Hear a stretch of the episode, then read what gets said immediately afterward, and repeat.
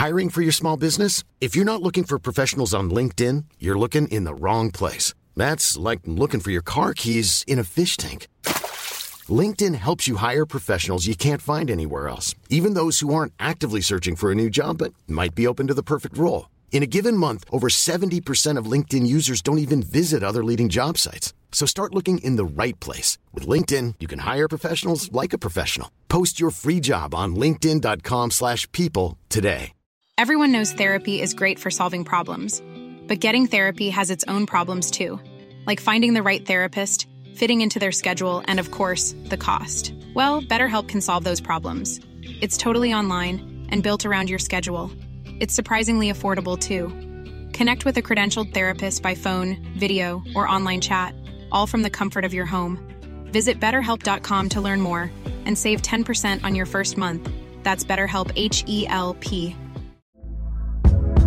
Hey there, it's Michelle Norris. I'm host of a podcast called Your Mama's Kitchen. When I travel, I'm usually looking for a way to find a taste of home when I'm not at home. And one of the things I love to do when I am at home is entertain. And Airbnb allows me to do that. When I was in California recently, I rented a house that had a great kitchen. And when we were sitting around the table, we're all thinking, we're in someone else's house. Someone could be in all of our homes as well. If you have a home, but you're not always at home, you have an Airbnb. Your home might be worth more than you think. Find out how much at airbnb.com/slash host.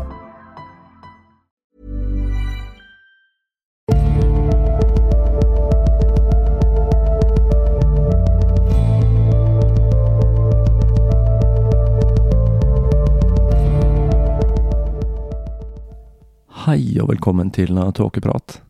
Jeg heter Even, og når jeg tar opp denne episode 96, så er det lørdag den 2. mars 2019.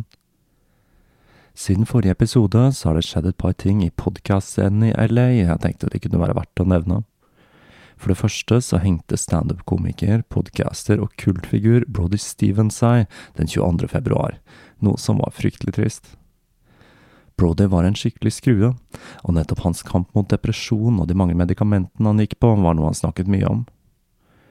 Han var et unikum, og standupen hans var virkelig noe utenom det vanlige. Som et tips til dere lyttere, så kan jeg anbefale dokumentarserien om Brody Stevens, Enjoy It, som en inngangsportal til livet til denne merkelige mannen, som aldri helt klarte å bestemme seg for hvor mange prosent homofil han var, og som hadde et ekstremt anstrengt forhold til livet. Hvil i fred, Steven Brody Stevens. I tillegg så dukket Alex Jones opp i The Joe Rogan Experience igjen, i hva som må kunne kalles en av de mest underholdende podkast-episodene noensinne. Selv så setter jeg stor pris på Alex Jones som en underholder, men jeg tar han altså ikke så veldig seriøst. Og nettopp det at enkelte tar han veldig seriøst, er litt av problemet med Alex Jones. Men han er en unik person, og jeg tror aldri jeg har hørt et menneske som klarer å hoste opp så utrolig mye informasjon og sy det hele sammen til en eneste stor konspirasjon rett fra levra. Alex Jones har vært i hardt vær i den senere tiden, og jeg vil anbefale å sjekke ut Behind the Bastards sin serie om Jones, hvor man får et litt tydeligere bilde av hvor han kommer fra, og at hans heroiske framstilling av seg selv muligens ikke stemmer helt overens med virkeligheten. Om man setter konsekvensen av Jones' vanvittige konspirasjonsteorier til side, så er han en underholdende fyr å høre på. I alle fall når han er på andres podcaster. Jones' eget nettverk, Infowars, framstår litt som et sammensurium av konspirasjonsteorier og som en plattform som selger kosttilskudd og overlevelsespakker. I denne episoden, som har nummer 1255, så dukker også Eddie Bravo opp, som i tillegg til å være et jiu-jitsu-geni, er en flat jordfyr. Jeg sitter vel med følelsen av at det er egentlig mest for å kverulere for hans del. Men det at flat jord er en av de tingene Jones holder seg unna, gjør at denne episoden er fantastisk underholdende. I alle fall om man har tålmodighet og hører på mye skriking og utsagn som Joe, they got computers on top of the bugs, they got everything. Og også konspirasjoner som involverer blodoffer til aliens som myndighetene har kontakt med via psykedeliske stoffer. Men nå skal vi over til temaet som kanskje ikke er like fantastisk som Jones' ville teorier. Men dette er i det minste sant, og det bør jo gi det en ekstra tyngde. Vi plukker opp tråden fra forrige episode, der Jack Parsons hadde fått kontakt med Alistair Crowley.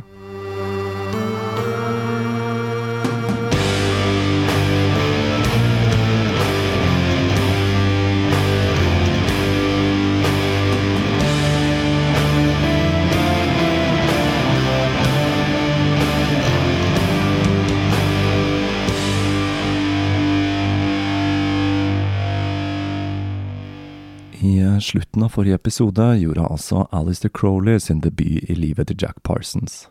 Og jeg vil anbefale dere som ikke har gjort alt, å sjekke ut tåkepratserien om Crowley, Prometheus. Om dere vil ha en litt mer detaljert bakgrunnshistorie om hvem denne mannen var, og hvilken rolle han spilte for vestlig magisk tradisjon. I denne serien så kommer jeg til å forsøke å gjenta meg selv minst mulig, og kun ta med de elementene som er helt essensielle for livet til Jack Parsons. Aller først så er det på sin plass å raskt oppsummere historien til Ordo Templi Orientis, eller OTO, en esoterisk orden som i aller høyeste grad fremdeles eksisterer i beste velgående. Selv hevder OTO å stamme fra, eller i det minste å videreføre arven fra en rekke kjente ordener som har eksistert opp gjennom tidene, fra Illuminati og katarene til gnostikere og tempelridderne men det moderne OTO ble opprettet av Carl Kellner, en frimurer og et medlem av The Hermetic Brotherhood of Light, og frimureren Theodor Reuss. Kelner hevdet å ha møtt tre mystikere i Østen på 1890-tallet. Sufien Siliman Ben Aifa og to praktikanter av tantra, nå kommer litt vanskelige navn her, Bima Sena Pratapa og Sri Mahatma Agamaya Paramahamsa tror jeg det skulle være. Av disse så skulle Kelner, som senere skulle ta det magiske navnet Frater Renatus, ha lært om den hemmelige nøkkelen som var hjertet til esoterisk tradisjon, og denne nøkkelen var sexmagi. Og med denne nye kunnskapen så begynte han og Royce å sette sammen en ny orden basert på denne. De hentet inn elementer fra The Hermetic Brotherhood of Light og frimureriet. De første tre gradene var basert på frimureriets Svedenborg-rite, som da er oppkalt etter vår gode venn Emanuel Svedenborg, mens de øvre gradene inneholdt nøkkelen. Etter Kellners død i 1905 var Royce den eneste lederen for ordenen, og det var nå han døpte den Ordo Templi Orientis, oppkalt etter Kellners nøkkel. Royce skulle konstruere det tigradssystemet orden fremdeles bruker, men selve initieringsritene skulle i stor grad senere bli skrevet om av Alistair Crowley. Det er mye som kan sies om OTO og de mange spennende menneskene som har vært involvert i tidenes løp. Men i denne historien er det kun noen få vi trenger å kjenne til. Den første er selvsagt Alistair Crowley. Han ble med i OTO i 1905. De av dere som har hørt Prometheus-serien, er klar over hvor sinnssykt mange ulike losjer Crowley var med i, og hvor mange grader han hadde. Og til å begynne med så trodde han at OTO kun var en av de mange avgreningene til frimureriet men uh, historien går slik. Plutselig en dag så banket det på døren til Alistair Crowley i 1912, og utenfor døren hans så sto Royce. Royce anklaget han for å ha avslørt hemmelighetene til den øverste graden i OTO i den siste boka hans, Løgnenes bok, eller Book of Lies. Crowley sa at han ikke ante hva han snakket om, og Royce pekte ut den delen han mente avslørte hemmeligheten. Dette dreier seg mest sannsynlig om vers 36 av Løgnenes bok, som starter med Let the adept be armed with his magic rod and provided with his mystic rose. Ikke så rent lite seksuelt, altså, som mye av Crowleys materiale.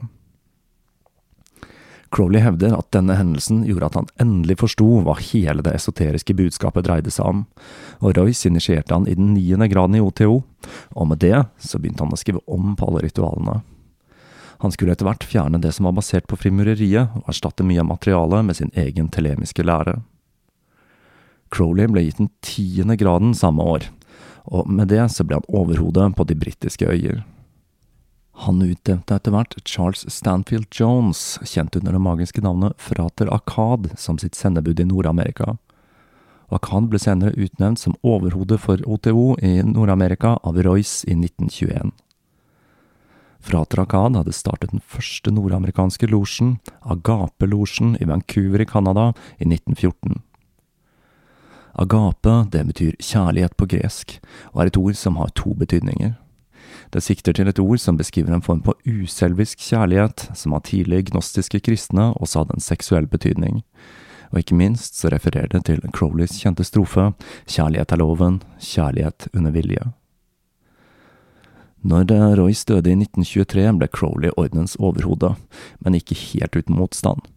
Men det er en historie jeg ikke har tenkt til å ta for meg her.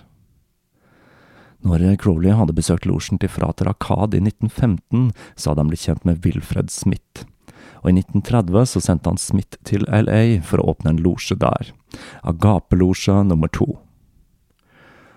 Og det var Smith Jack Parsons oppsøkte like etter han hadde fått Kungsumpax Rupinski. Smith avholdt ukentlige gnostiske messer sammen med sin kollega Regina Kahl, hvor Regina opptrådde som prestinne. Den gnostiske messen er et av de mest sentrale ritene til Crowley, og disse ble holdt i Smith sin telemiske kirke og ble brukt til å rekruttere medlemmer til nettopp OTO. Nå hadde Parsons virkelig funnet sine to lidenskaper. Han jobbet som rakettforsker på dagen, og forsket på det okkulte på kveldstid.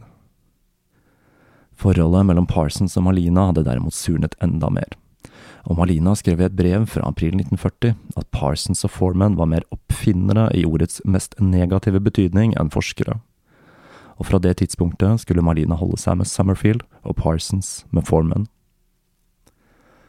Mens krigen trappet opp og USA økte forsvarsbudsjettet, så eh, publiserte Popular Mechanics en sekssiders artikkel om arbeidet til Parsons og Foreman, hvor de så på muligheten til å bruke raketter til militære formål, i tillegg til romfart og i 1941 fikk Galsit doblet budsjettet sitt som et resultat av denne artikkelen.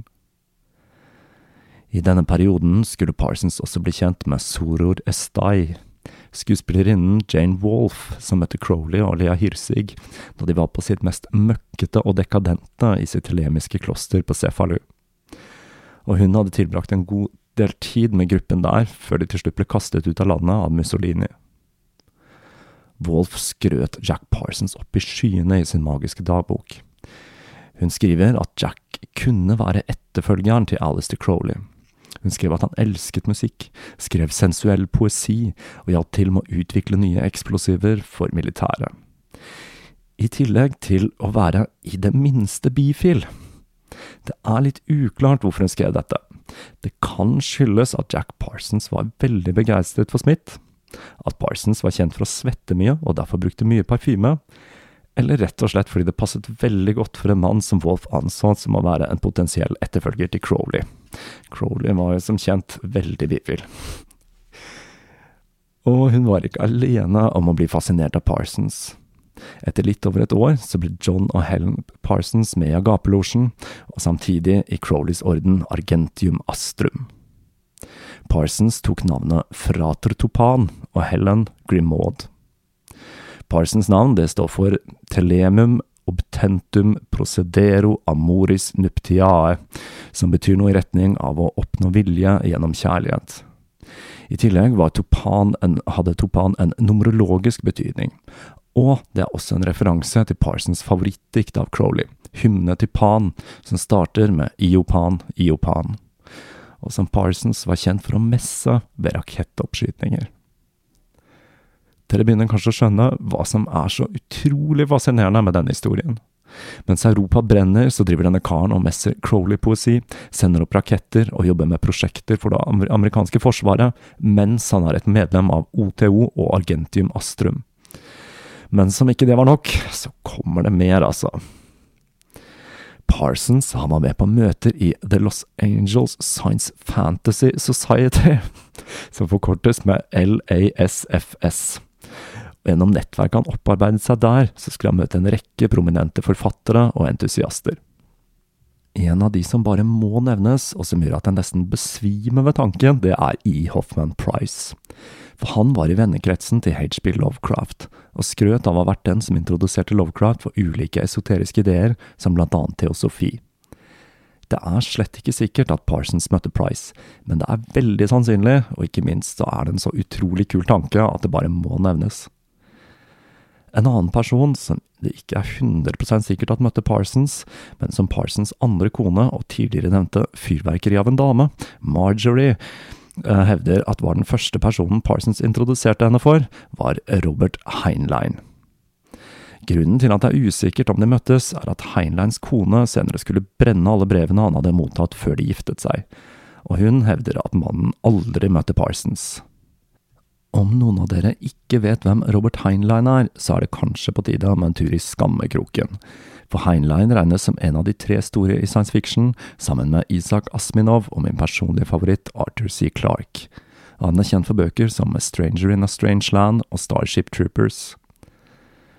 Og det blir spekulert i om Heinlein gjennom Parsons ble inspirert av Telema og inkorporerte noe av dette tankegodset sitt i Stranger in a Strange Land som for øvrig også er navnet på en klassisk Iron Maiden-låt fra skiva Somewhere in Time fra 1986. En person vi vet med sikkerhet at han møtte, var en av hans favoritter, Jack Williamson. Han hadde skrevet romanen Darker Than You Think. Denne historien handler om varulver som forsøker å vekke de gamle gudene til live ved hjelp av en magisk fødsel, og denne historien hadde en rekke paralleller til ymse neopaganistiske retninger. Williamson fortalte at flere hekser hadde trodd at han selv var vikka på grunn av boka. På samme måte ble han veldig forbløffet over Parsons, som var en rakettforsker som til tross for sin fascinasjon for vitenskap, også var veldig opptatt av det okkulte. Parsons hadde til og med tatt med Williamson på et ritual i Smiths telemiske kirke. Samtidig, i august 1941, hadde de nye bærerakettene begynt å ta form. Framfor å bruke det ladede ordet raketter, så brukte de navnet Jet Assisted Takeoffs, eller JATOs. Som vi husker fra forrige episode, så ble raketter forbundet med ville ting som science fiction og måneferder. Men det var, slik som det alltid var, noen utfordringer. Eksplosive utfordringer. Brenselet Parsons hadde utviklet, ble kalt Galsit 27 etter de 26 mislykkede forsøkene før denne typen. Brenselet fungerte, det. Det var en type fast brensel som ble lagt lagvis i en sylinder. Det eneste problemet var at det var ekstremt ustabilt, og rakettene var ferskvare og måtte brukes med en gang om de skulle fungere på riktig måte. Eller for å si det på en annen måte, om man oppbevarte de for lenge, så eksploderte de.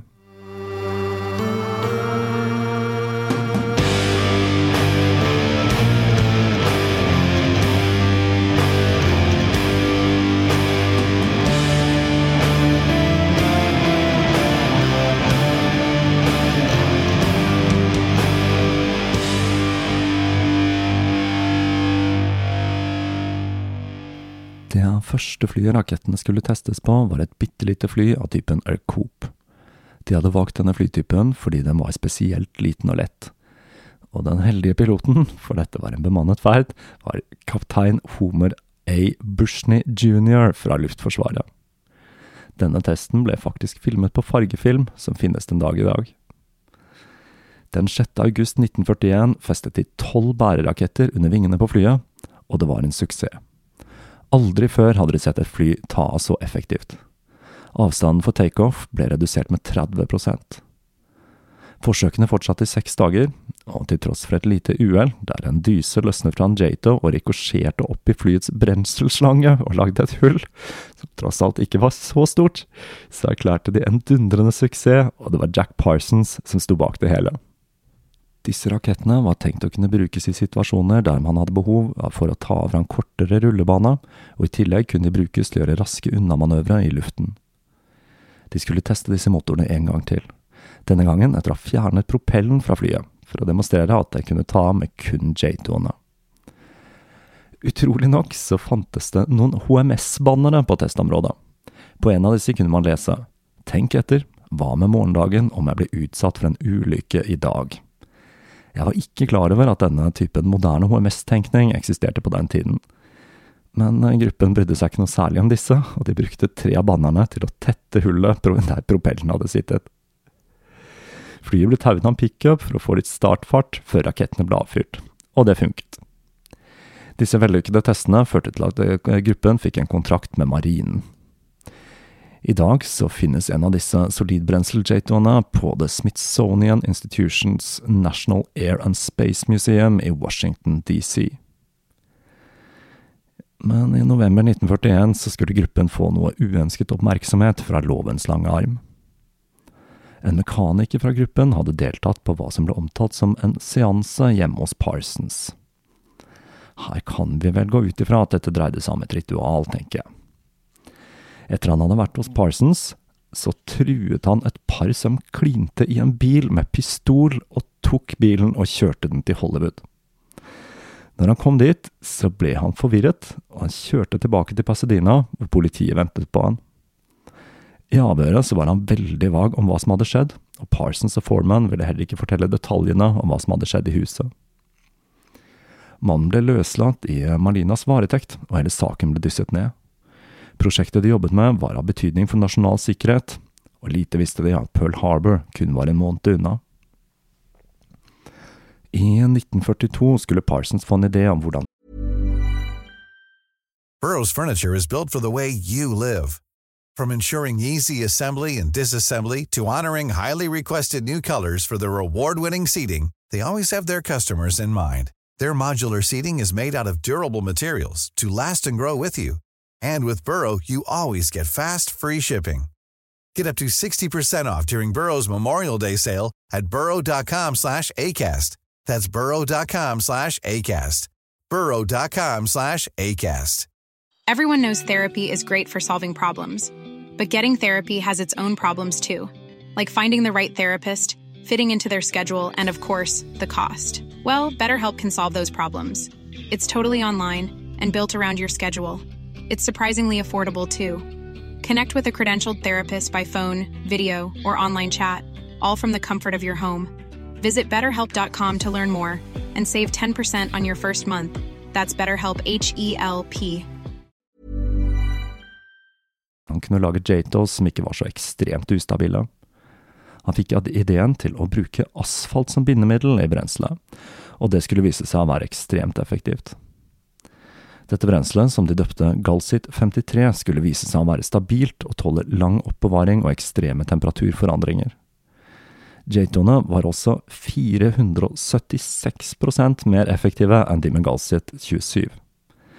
Til å begynne med så brukte man en sylindrisk form til disse rakettene, men senere så ble denne byttet ut med en stjerneform for å få en større overflate. Og denne typen raketter ble senere brukt i Minuteman og Polaris-raketter.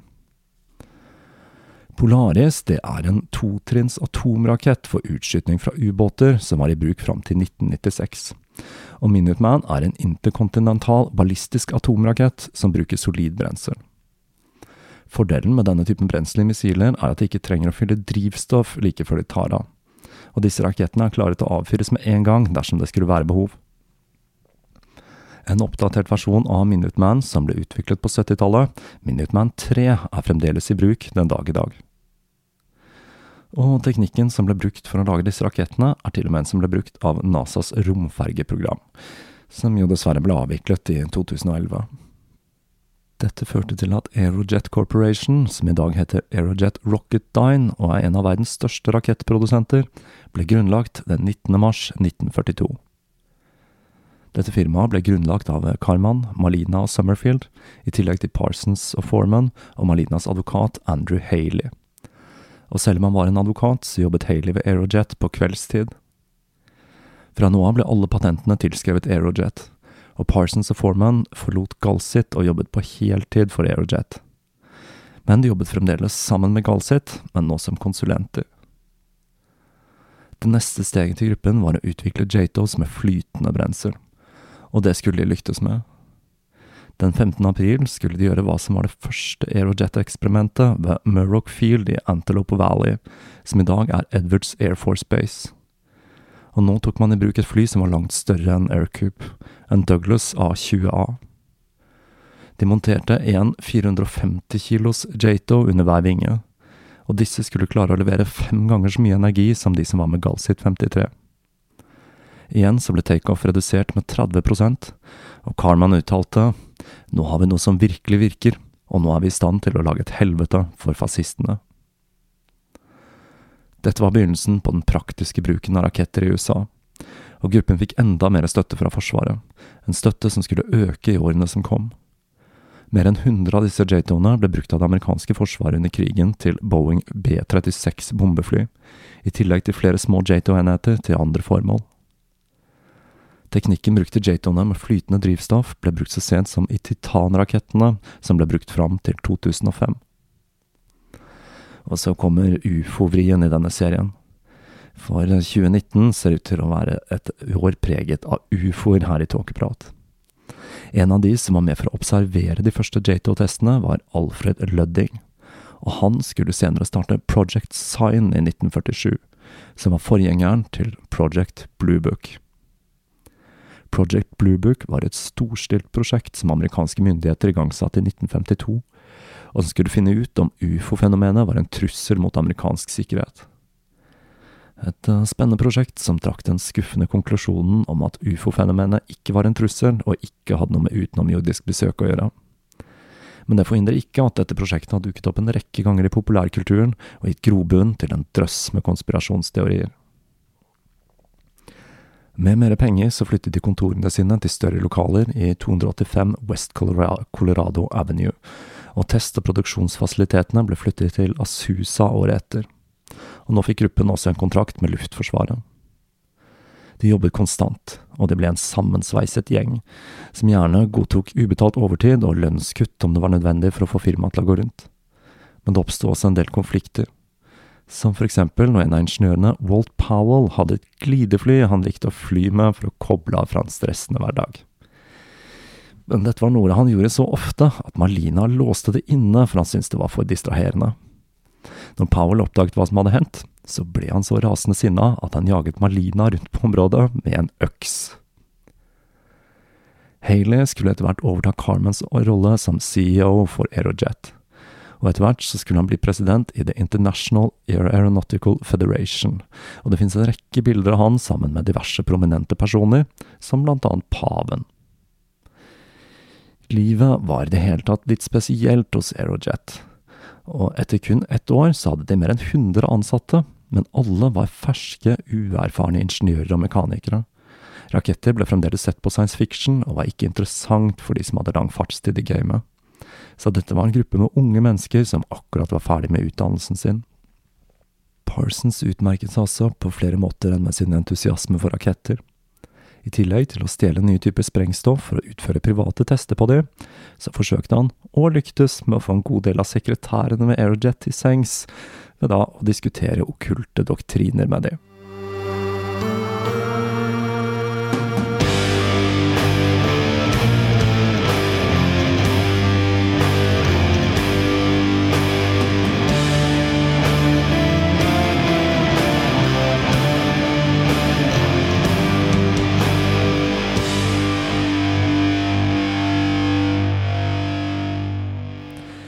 Juni flyttet Jack og Helen Parsons til en stor villa i 1003 South Orange Grove Avenue, kun noen få kvartaler fra der Jack hadde vokst opp. På eiendommen var det også et mindre hus hvor Wilfred Smith bosatte seg. Dette var en diger bygning med tre etasjer og ti soverom. Arthur Flemming, som var den opprinnelige eieren av huset, hadde tjent store penger på tømmer i Canada. Han satt i styret i Caltech og hadde donert mer enn fem millioner til organisasjonen. Han hadde også eid Yosemite, som han senere solgte til staten for halv pris mot at det skulle opprettes en nasjonalpark der. Flemming døde i 1940, og huset sto tomt fram til advokaten John M. Dean og hans kone kjøpte det i 1942, og det var av disse Parsons leide huset.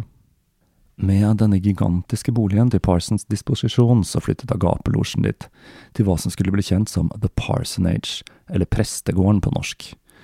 Og selv om hva jeg antar er et ordspill på Parsons, altså Parsons og Parsonage, blir litt eh, lost in translation her, så velger jeg å bruke nettopp prestegården i denne serien, fordi jeg syns det navnet er passende. Og selv om din og kona ikke var medlemmer av losjen, så bodde de i en av de 19 leilighetene Parsons konstruerte i bygningen. Så de var i hvert fall ikke lettskremte, for dette skulle bli en bolig som hadde en rekke likheter med Timothy Learys bisarre kollektiv ved Millbrook. Det største rommet i huset var Parsons leilighet i øverste etasje, som også fungerte som tempel. Her fant man, i tillegg til en kopi av det berømte tablået oppdaget av Crowley på museet i Kairo under sin tur der i 1904, og et signert bilde av mesteren, hundrevis av bøker om det okkulte og et digert stereoanlegg hvor Parsons kunne dyrke sin lidenskap for å spille klassisk musikk på høyt volum. Jack annonserte etter leiebordet, og han spesifiserte at han var ute etter eksotiske typer, som bohemer, artister, anarkister og ateister. Og raringer, det fikk han i bøtter og spann. Dette minnet altså en hel del om Millbrook. Det var mange hundre skruer der, og det lå midt i et svært kaksete område av Pasadena, og naboene stusset litt over hva som foregikk der. En av naboene kunne fortelle at hun hadde sett to kvinner i lange kjoler i hagen, som danset rundt en gryte over et ildsted, omgitt av kister med stearinlys. Den nye velstanden til Parsons gjorde at han nå gjorde noe som skulle være av stor betydning for Alistair Crowley. Parsons begynte å støtte den aldrende syke og pengelense magikeren økonomisk, noe han skulle gjøre fram til hans død i 1947.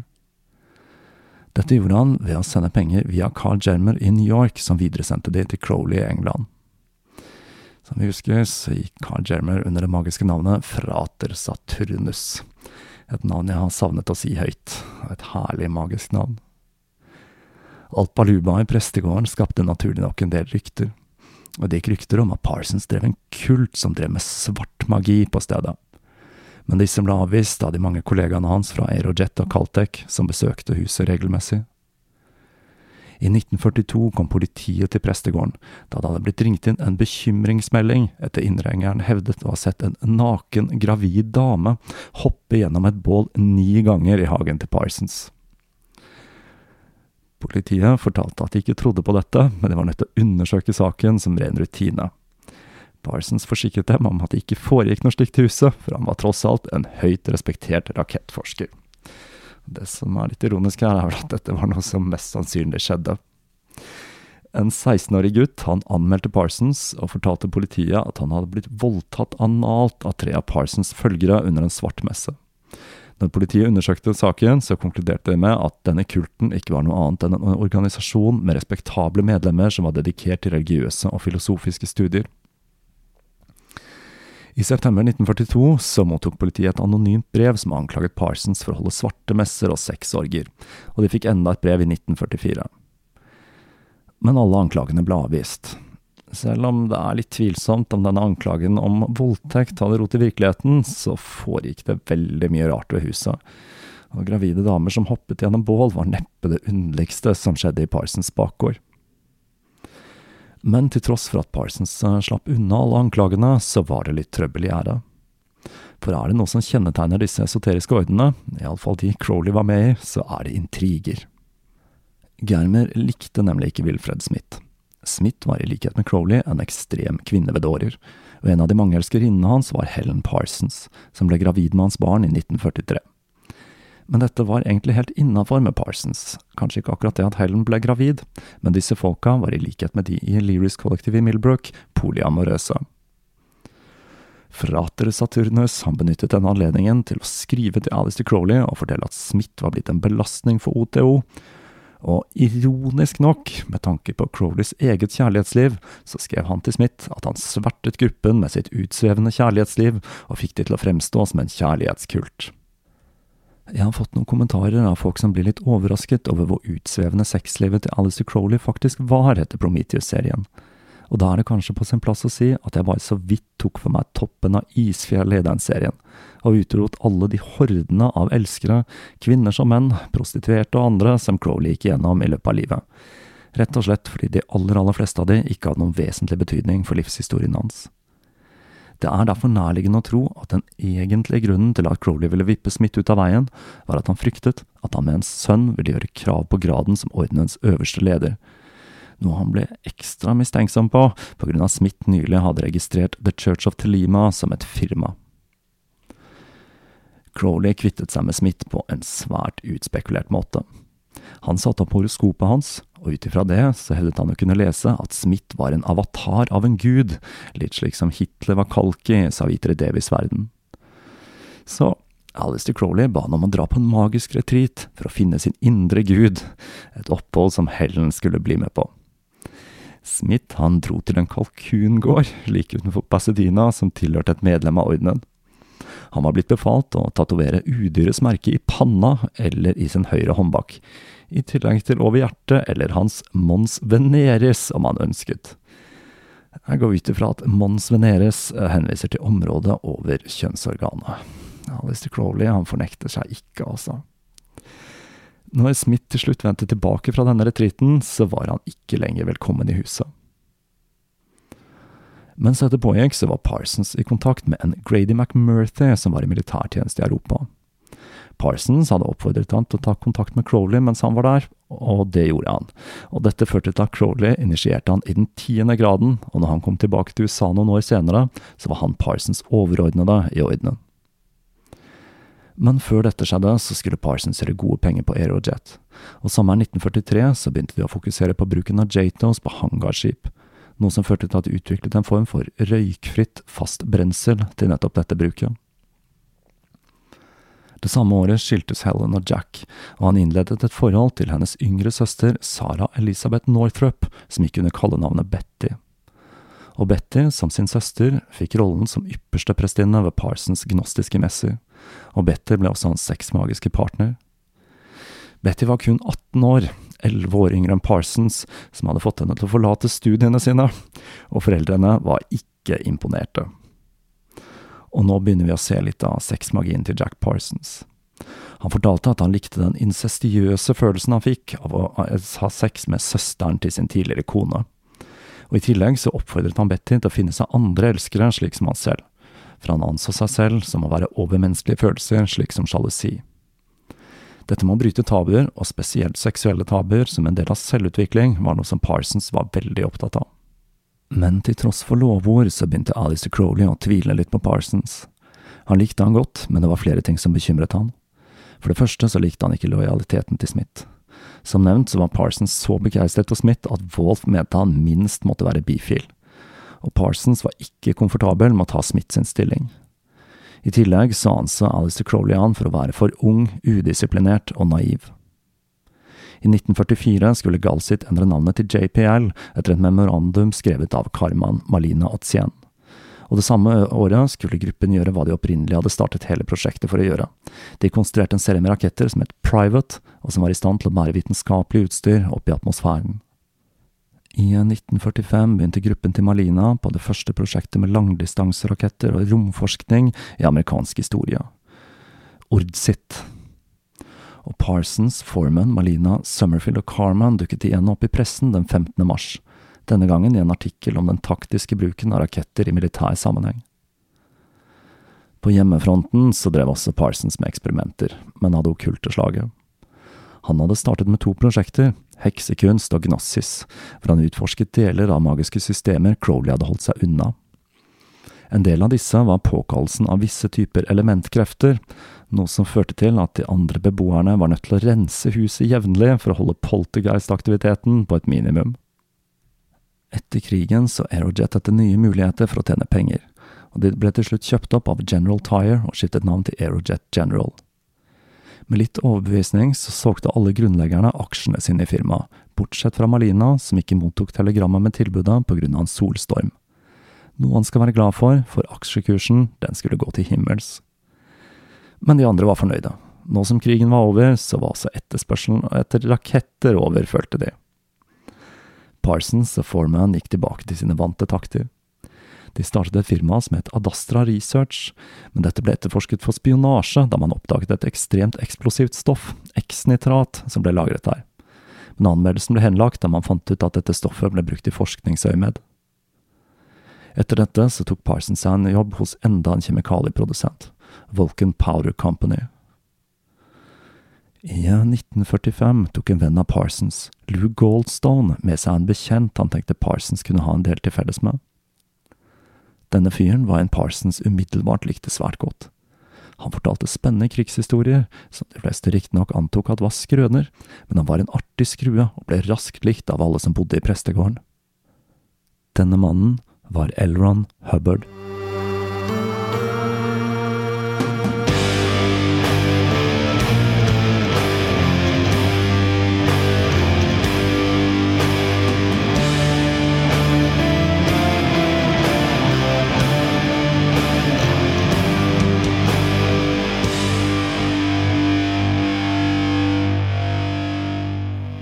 Der forlater vi Jack Parsons for denne gang. Som jeg sa i første episode, så er dette en fortelling med et fantastisk persongalleri, hvor den ene interessante personen avløser den andre. Og nå er altså turen kommet til L. Ron Hubbard. Og hvilken rolle han spilte i livet til Parsons, skal vi se litt nærmere på i neste episode. Frem til da så vil jeg igjen anbefale å ta en kikk på TV-serien Enjoy It med Brody Stevens. Humoren hans var såpass spesiell at han nok ikke er en som appellerer til et så veldig bredt publikum, men jeg vil anbefale å gi han en sjanse. Så frem til vi høres igjen, så vil jeg igjen oppfordre til å følge Tåkeprat i sosiale medier, tipse venner og kjente, eller bli en patrion. På gjenhør.